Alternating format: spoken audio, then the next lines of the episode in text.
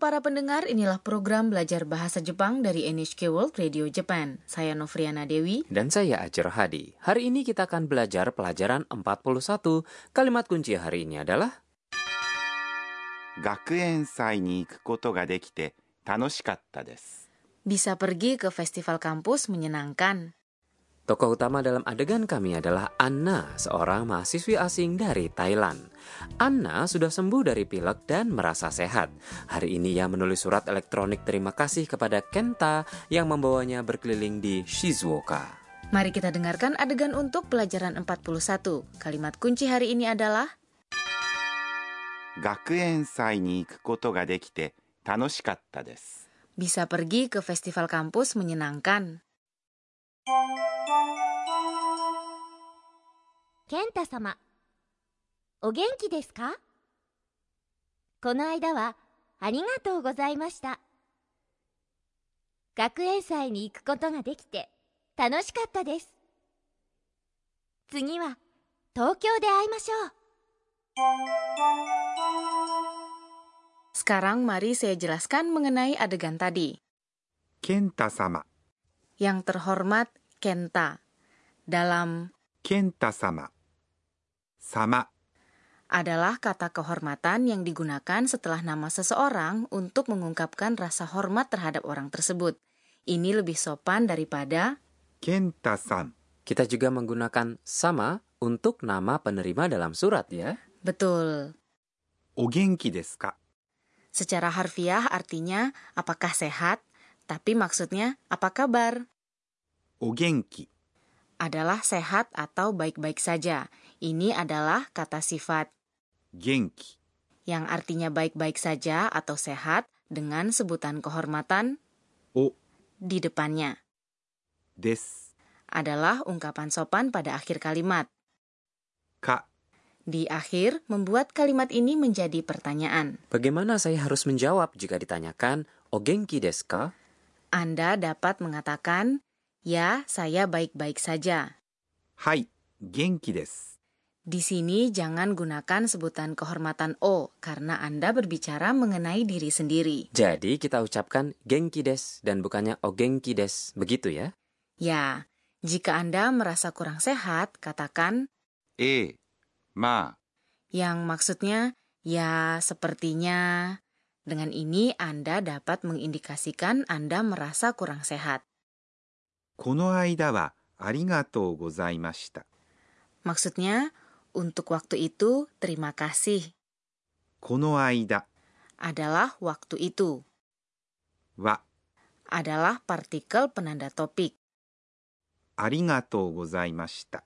Adalah terima kasih. Tak dapatkah kita katakan arigato gozaimasu di sini? Tidak, saat mengungkapkan terima kasih atas apa yang kita pikir telah dilakukan di masa lampau, kita menggunakan arigato gozaimashita. 学園祭に行くことができて楽しかったです。 Bisa pergi ke festival kampus menyenangkan. Ini adalah kalimat kunci hari ini. 学園祭 Adalah festival kampus. に adalah partikel yang mengindikasikan arah pergerakan, yaitu tempat ke mana seseorang pergi. Iku adalah bentuk kamus dari ikimasu yang artinya pergi. Jika Anda gabung bentuk kamus iku bersama dengan koto dan mengucapkan iku koto, Anda telah mengubah kata kerja menjadi kata benda. Nga adalah partikel yang mengindikasikan subjek. Dekite adalah bentuk T dari kata kerja. Dekimasu yang artinya dapat melakukan. Ini mengungkapkan kemampuan atau potensi. Bentuk T dari dekimas adalah dekite, akan saya ingat-ingat. Jika Anda menggunakan bentuk T, Anda dapat menjelaskan alasan atau penyebab apa yang dikatakan setelahnya. Kata yang mengikutinya, Tanoshikat adalah bentuk lampau dari kata sifat tanoshi yang artinya menyenangkan. Des adalah ungkapan sopan pada akhir kalimat. Mari berlatih mengucapkan kalimat kunci hari ini. Gakuen. Untuk mengakhiri surat, Anna menulis Tsugi Tokyo de. Selanjutnya, mari berjumpa di Tokyo. Tsugi adalah selanjutnya atau berikutnya. Wa adalah partikel penanda topik. Tokyo adalah ibu kota Jepang. De adalah partikel yang mengindikasikan tempat. Aimasho adalah mari berjumpa. Berjumpa adalah aimasu. Jika Anda ganti bagian mas menjadi masho maka Anda membuat usulan. Jadi, aimasho adalah usulan yang berarti mari berjumpa. Kini mari kita dengarkan adegan untuk pelajaran 41 lagi. Kalimat kuncinya adalah う。学園祭に行くことができて楽しかったです。 bisa pergi ke festival kampus menyenangkan. 健太様お元気ですか この間はありがとうございました。学園祭に行くことができて楽しかったです。次は東京で会いましょう。Sekarang waktunya pojok Sensei Oshiete. Penyelia program ini, Profesor Akanito Kunaga, akan mengajarkan mengenai poin pembelajaran hari ini. Hari ini kita mempelajari iku kotoga dekimas, yang artinya dapat pergi, suatu ungkapan kemampuan atau potensial. Mohon ajari lebih lanjut mengenai ungkapan semacam itu.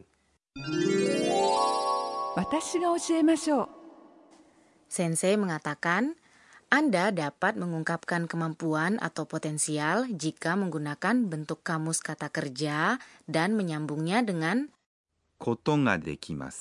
Yang artinya dapat melakukan sesuatu. Mari kita membuat kalimat menggunakan ことができます。saat. Saat Anda mengatakan saya dapat pergi, saya adalah watashi. Pergi adalah ikimasu. Dan bentuk kamusnya adalah iku. Setelahnya Anda tambahkan kotonga dekimasu. Jadi ucapkan Watashi.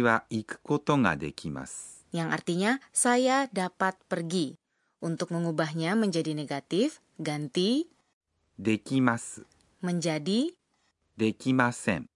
Maka kalimat saya tidak dapat pergi adalah watashi wa ga.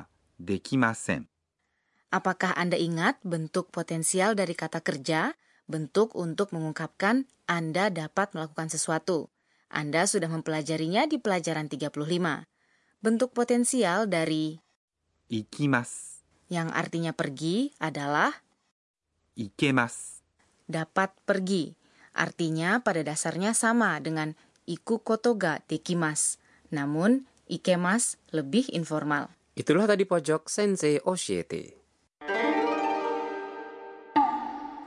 Berikutnya adalah pojok kata tiruan bunyi. Hari ini kita memperkenalkan kata-kata mengenai merasa segar. Sekiri. Sekiri. Apakah ada kaitannya dengan ski yang artinya suka atau gemar? Tidak sama sekali. Sekiri. Menggambarkan ruangan yang rapi dan hanya memiliki keperluan dasar. Ini juga mengungkapkan bagaimana Anda merasa segar dan bergairah karena telah pulih dari lelah dan penderitaan. Ada juga kata serupa yang menggambarkan bagaimana Anda merasa nyaman. Sappari. Anda juga dapat mengatakan sappari. Misalnya setelah Anda membasuh wajah. Dan demikian pojok kata tiruan bunyi hari ini. Sebelum menutup perjumpaan, inilah pojok catatan si Anna. Itu Yuwa. Saya menulis surat kepada neneknya Sakura Sang dan bukannya surat elektronik Secara tradisional, kita harus menulis bahasa Jepang secara vertikal dan dari kanan ke kiri. Sulit sekali. Saya akan meminta Sakura-sang untuk memeriksanya.